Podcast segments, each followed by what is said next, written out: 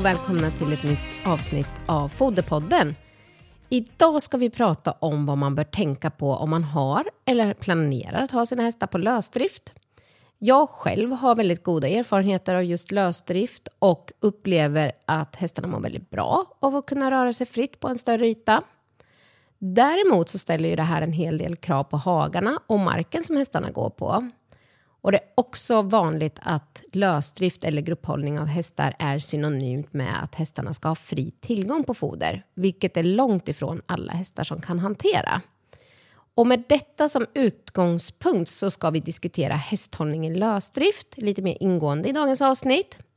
Och med mig har jag Olof och jag tänkte faktiskt börja med att fråga dig vad dina personliga erfarenheter av lösdrift är, Olof. Hej Linn! Eh, superkul att vara tillbaka i ett nytt avsnitt av Foderpodden. Ska jag först säga, tänker jag. Och, eh, alltså, framförallt så har jag erfarenheten för mig det är att vi har haft våra växande unghästar på lösdrift. Eh, mina föräldrar har fått upp ganska mycket hästar. Och då har de ju gått i olika grupper fram, fram tills de är ungefär två och ett halvt år gamla. Och då har de också haft möjlighet att röra sig ordentligt i större hagar med kuperad terräng, vilket jag upplevt som väldigt positivt. Både för deras temperament när man ska rida in dem, men också eh, hållbarheten såklart för hästarna.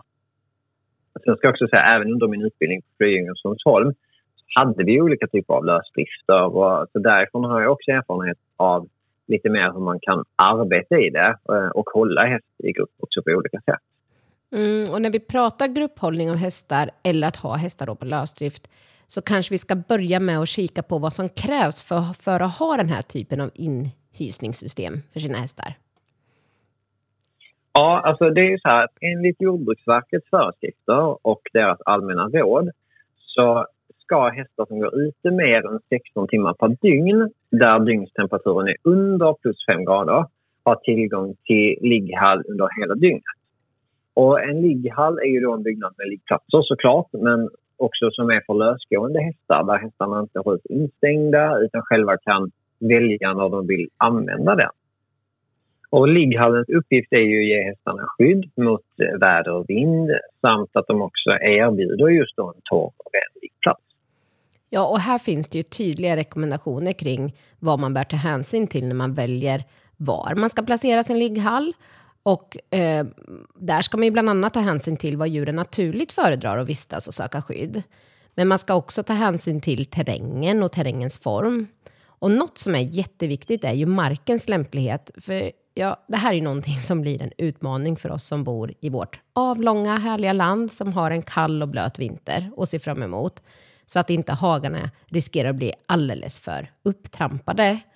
Och det är ju något som såklart är jätteviktigt. Eh, och som man måste ta hänsyn till. Och även de här dagliga arbetsmomenten som ska utföras. Till exempel fodring, eh, hur man ska erbjuda vatten och tillsyn. Och sen en annan viktig aspekt i det här som, som du inte har nämnt Linn är ju att hästen är ju ett flockdjur. Eh, så helst ska man ju ha en stor ligghall där, där alla hästarna i samma hage får plats. Eh, hellre än flera små då de gärna håller ihop såklart. Och skulle det inte vara möjligt med en stor ligghall så bör man ju bygga de olika ligghallarna så hästarna ändå kan se varandra från de olika ställena. Och för hästar eh, är det också ett föreskriftskrav att just de här ligghallarna ska vara utformade och placerade så att samtliga hästar i en grupp samtidigt kan ha tillgång till utrymmet. Så det är viktigt att tänka på om det finns mm, och här finns också tydliga regler om takhöjd, eh, öppningen och öppningens storlek och så vidare. Så, så läs eh, liksom på gällande detta innan man väl bygger sin lösdrift, tänker jag i alla fall. Och detsamma gäller ju vår skyldighet att som hästägare att kunna erbjuda en skadad häst en sjukbox från, skilt från flocken då de också då ska kunna erbjudas en lugn och trygg miljö. Mm. Och när vi var inne på det här med placering av ligghallen så är det också bra att nämna att man rekommendera rekommenderar att man placerar den lite högre än vad det är, den omgivande marken är. Och dels för att hästarna då ska kunna ha uppsikt, eh, eftersom de då är ett flockdjur, men också att vatten och snö inte ska rinna ner i ligghallen så att det blir blött där. Så det här bör man ju också tänka på. Eh, Men för att återkomma till det här med markens lämplighet. Alla vi som håller på med hästar vet ju att marken lätt trampas sönder och särskilt nu när det börjar bli blött ute. Eh, vad tycker du är bra att nämna här, Olof, som är bra att tänka på? Ja, det här känner jag ju också igen såklart som har egna hästar. Och, och här är det ju jätteviktigt att tänka på att marken ska vara tillräckligt dränerad eller ha motsvarande naturliga egenskaper som gör att det inte blir för blött. Så storleken på hagen spelar ju naturligtvis också in. Eh, och eh, här har man ju sett just upptrampningen och markbelastningen är som mest intensiv vid hästarnas utfodringsplatser men även där vattnet finns eh, och även vid ligghallens eller ligghallarnas öppning. Så att det, det kan även bli upptrampat där hästarna ofta rör sig, det vill säga mellan ligghallen, utfodrings eh, och vattningsplatser. Och allra känsligast är ju marken under vår, höst eh, och milda vintrar då, där det inte blir någon tjäle. Så det, det är någonting som vi alla märkt av. Ja, det har man ju varit med om. Eh, vilka råd skulle du ge då för att undvika att upptrampning sker? Jag skulle säga så här, om det finns möjlighet att variera de här områdena där djuren vistas så är det jättebra. Eller om möjligt eh, ha så kallade flyttbara ligghallar eller flyttbara utfodrings och, och vattningsautomater. För eh, då kan man ju också variera var djuren egentligen är och uppehåller sig i hagen. Så det är också viktigt att inte placera utfodringsställena för tätt. För här räknar man ju på att marken som där den är som mest upptrampad kring de här utfodringsplatserna ska ha en radie på cirka 6 meter. Det är ett bra utgångsläge. Eh, detta problem kan ju minskas om man ser till att utfodringsplatserna ligger på en, en hårdgjord yta till exempel. Så man har dränerat det väl och sen gjort en ordentlig hårdgjord yta så, så kan det ju vara närmare också såklart. Mm. Och någonting som också är bra att tänka på det är ju att man kan riskera att det uppstår körskador om man till exempelvis kör in foder eller strö i hagen. Eh, så för att minska sådana här typer av skador så är det ju smart om ligghallen och utfodringsplatserna är lättåtkomliga. Eller att man även här gör i ordning någon form av väg som går att köra på så inte hagen går sönder när man måste köra in med traktorer eller ställa av foder eller strö och så. Eh, och ytterligare en sak som man behöver tänka på lite kring är ju gödselhanteringen. För under en vintersäsong så kommer det bli en hel del gödsel. Eh, så det här är någonting som man måste tänka till på eh, för att hur man ska hantera den här mängden av gödsel som blir. Eh, för dels kan det ju vara så att om man inte tar hand om gödseln så kommer det ske stora läckage av kväve och fosfor ut i marken. Och då kan vi också få en negativ miljöpåverkan. Och sen vet vi också det att hästarna Ehm, ofta när de är i hagen så riskerar man ju att få områden där det blir rejäla vad ska man säga, gödselansamlingar. Så eh, bra att tänka på, eh, både för hästarnas skull och för markens skull.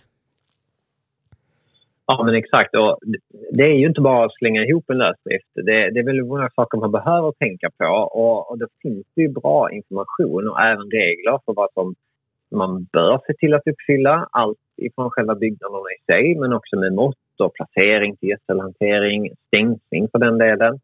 Så, så står man i liksom, tankar och begrepp att anlägga en lösdrift så, så är det återigen bra att läsa på vad som, som gäller innan. Ja, men verkligen. Och jag tänker, nu har vi pratat mycket om hur man ska placera ligghallen och utfodringsplatserna. Eh, så jag tänkte att vi skulle komma in lite på det här eh, som gäller när man håller hästarna tillsammans. Eh, vad finns det för eh, för och nackdelar med att ha hästar i grupp? Som vi nämnde tidigare, så är ju, eller som jag nämnde tidigare, är ju hästen just ett flockdjur och mår bra av att vistas tillsammans där de kan utföra sina naturliga beteende och behov.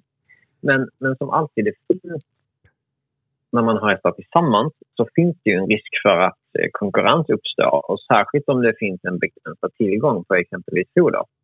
Ja, och här kommer vi in på någonting intressant och det är ju rangordning. Vilka faktorer är det egentligen som påverkar hästarnas rangordning? Det är flera olika faktorer och i första hand så är det eh, ålder, eh, storlek och hälsotillstånd. Eh, och det är också så att rangordningen kan ju även variera över tid. Det här är intressant att du nämner, för jag har faktiskt nämligen varit med om att ha ett väldigt gammalt sto i en flock. Det här var ett par år sedan. Och hon var tydligast, högst i rang och bestämde vid foderhäcken. Men från en dag till en annan så ändras det här helt. Eh, och det var jättetydligt. Eh, så att, eh, man lär sig mycket av att titta och observera sin grupp med hästar, tänker jag. Eh, men vad är det viktigt att tänka på så att det inte blir problem eh, kring rangordning och grupphållningen i sig? Nummer ett är att det är viktigt att det finns tillräckligt med foder, Eh, vatten och även skydd så att alla individer oavsett rang kan tillgodose sina behov. Mm, och nu börjar vi komma in lite mer på det som är vårt fokusområde eh, i Foderpodden, det vill säga foder. Eh, och här säger djurskyddslagen att djur ska ges tillräckligt med foder och vatten som är av god kvalitet.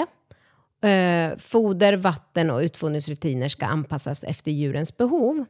Och här skulle jag säga att vi som foderrådgivare ganska ofta stöter på problem hos hästar som går på lösdrift.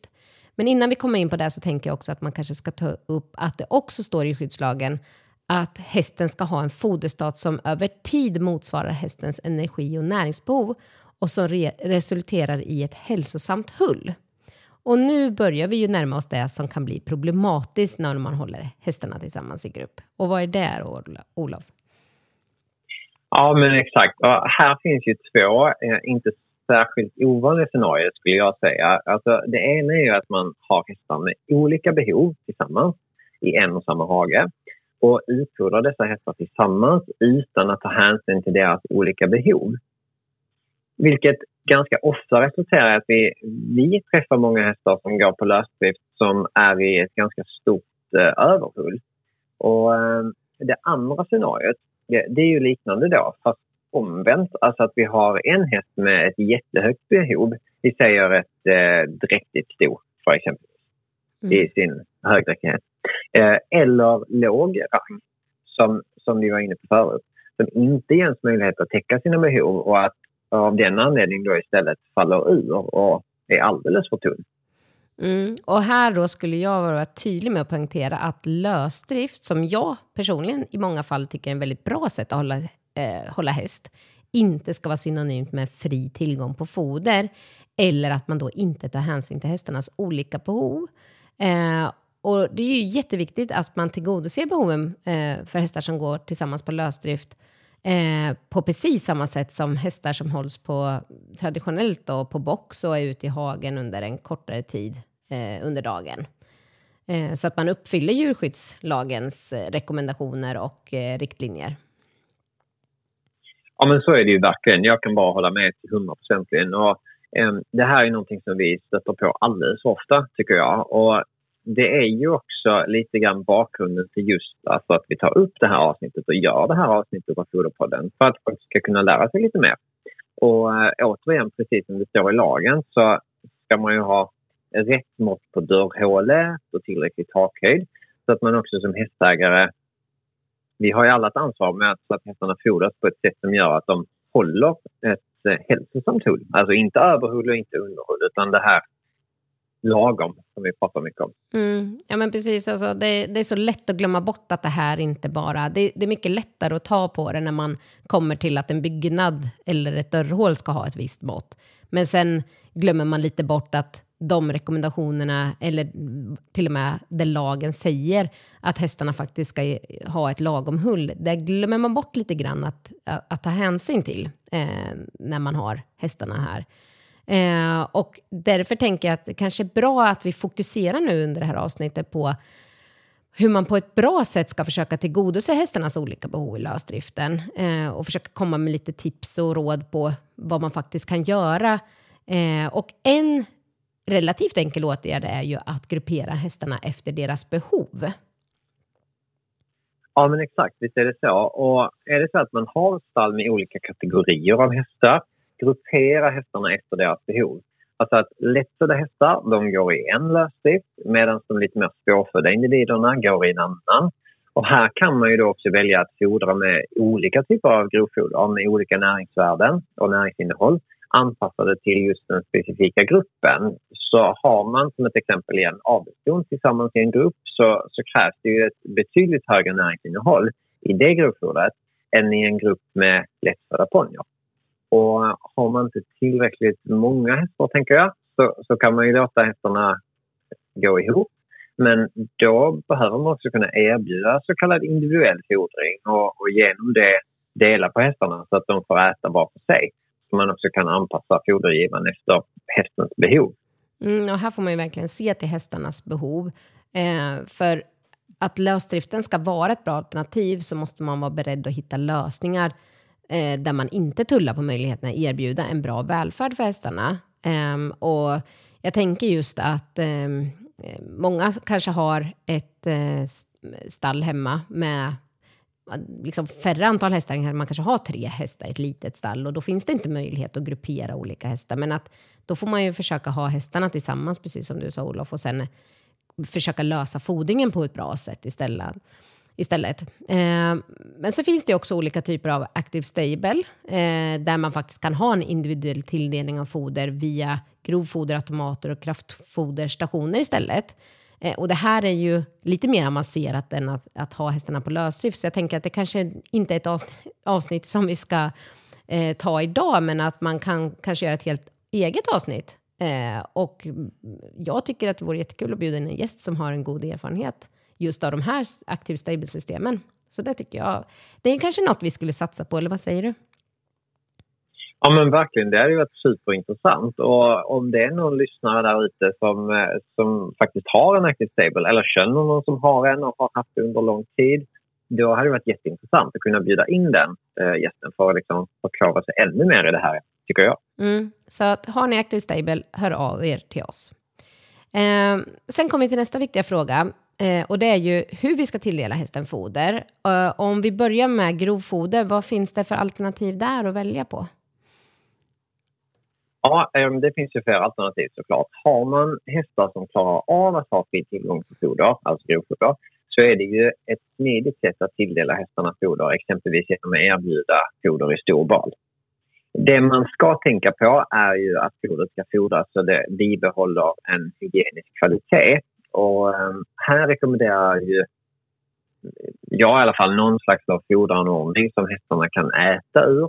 Helst är fodret både kan fodras en bit från marken så att inte jord och lera blandas med fodret och eh, dels med skydd från nederbörd.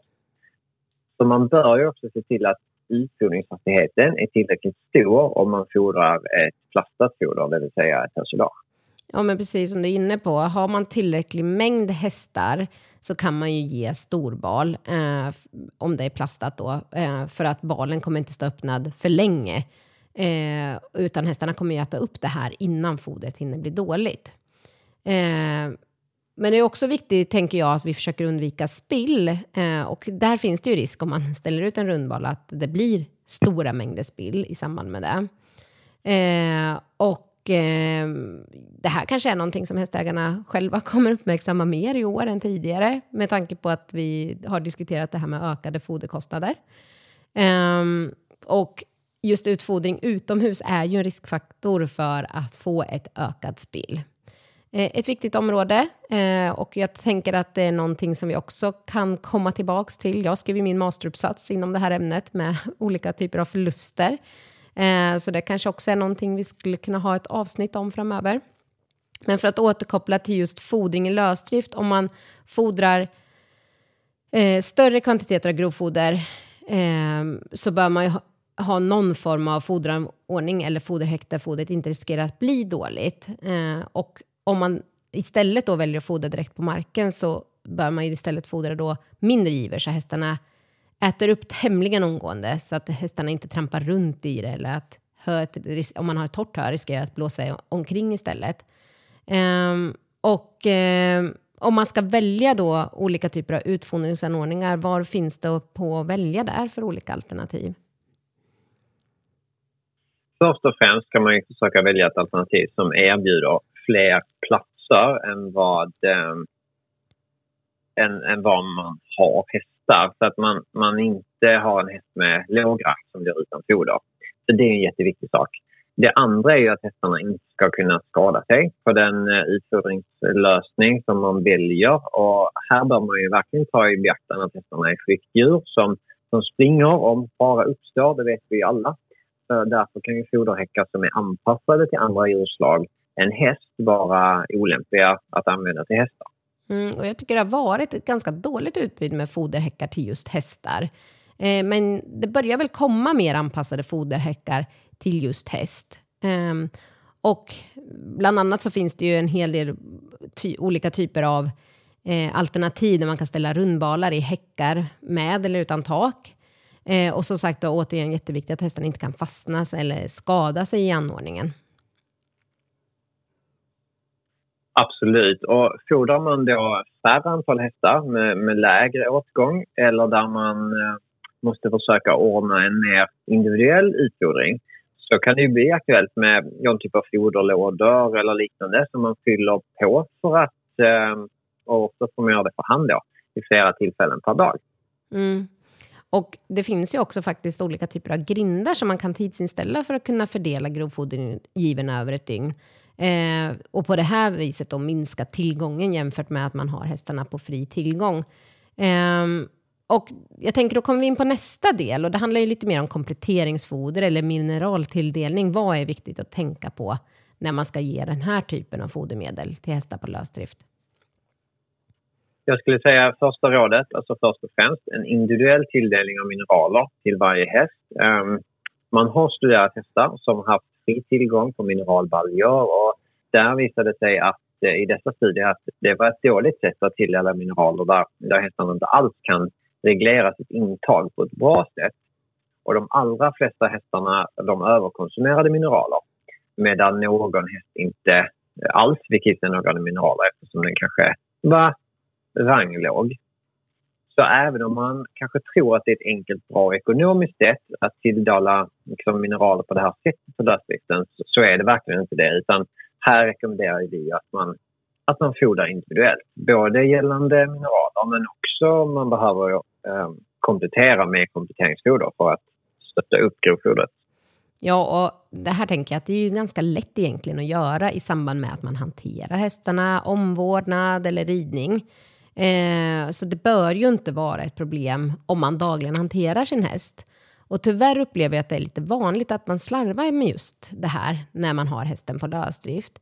Eh, jag tycker att man kan se det inte minst bland avelston och växande unghästar eh, där man, ja, men man låter hästarna gå eh, på lösdrift tills de är tre år och ska börja hantera dem ungefär. Så att, eh, jag skulle säga att till de här typerna av hästar som man kanske också ganska vanligt har på lösdrift eh, är det ju jätteviktigt att man ser till att täcka hästens näringsbehov. Eh, de här hästarna, växande unghästar och avelston, de är ju faktiskt också hästar som har ett mycket högre behov än eh, en vanlig arbetande häst. Så eh, här får man ju verkligen se till att man inte slarvar utan att man täcker varje häst individuella mineralbehov även när man har dem eh, på lösdrift. Då. Någon sak som jag inte har nämnt, eh, och det är ju jätteviktigt, så det här måste vi ta upp, det är ju hästarnas behov av vatten. Eh, vad har vi för råd att ge här, Olof? Ja, alltså precis som alltid så eh, allra helst fri tillgång på vatten dygnet runt. Eh, lagen säger själva att hästar som inte har fri tillgång på dricksvatten, de ska ju få dricka sig så kallat otörstliga minst två gånger dagligen jämfört fördelat över dygnet. Så det, det är ju ett minimikrav ska vi också säga. Det är inte vår rekommendation. Utan vår rekommendation är självklart fri tillgång dygnet runt. Och det, det, här är också viktigt om man tittar på om man använder sig av eh, vattenkoppar med flöde och flöde i automatiska system, att det är tillräckligt högt flöde eh, så att man inte begränsar hästarnas vattenintag. Och särskilt viktigt att tänka på när hästarna då är ute i lösdrift som det här har ju pratat om det här avsnittet och under den kalla årstiden så att vattnet inte fryser.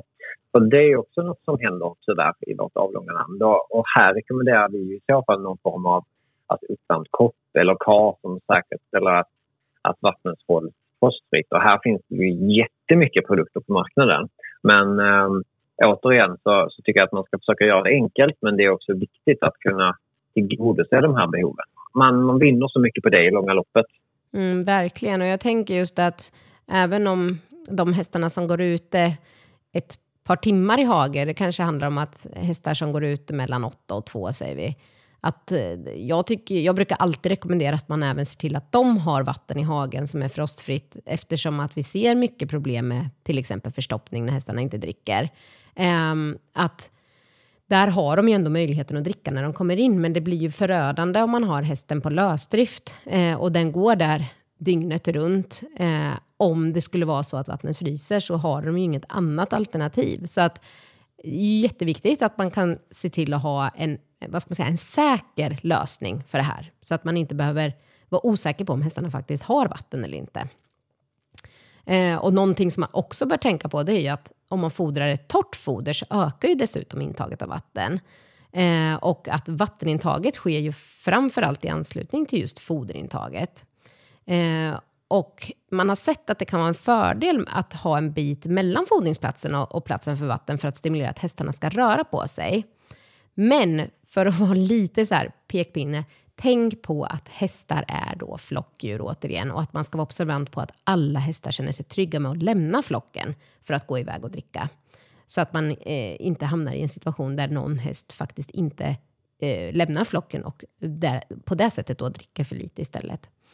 Ehm, och en sak som också händer om hästarna rör sig på samma sträckor eh, varje dag, eh, det är ju att passagen mellan foder och vatten troligen också då kommer vara mer belastad och nedtrampad. Eh, precis som själva foderplatsen som du nämnde förut, Olof. Eh, så att återigen, platser med hög belastning bör ju vara anpassade så att de håller hela säsongen.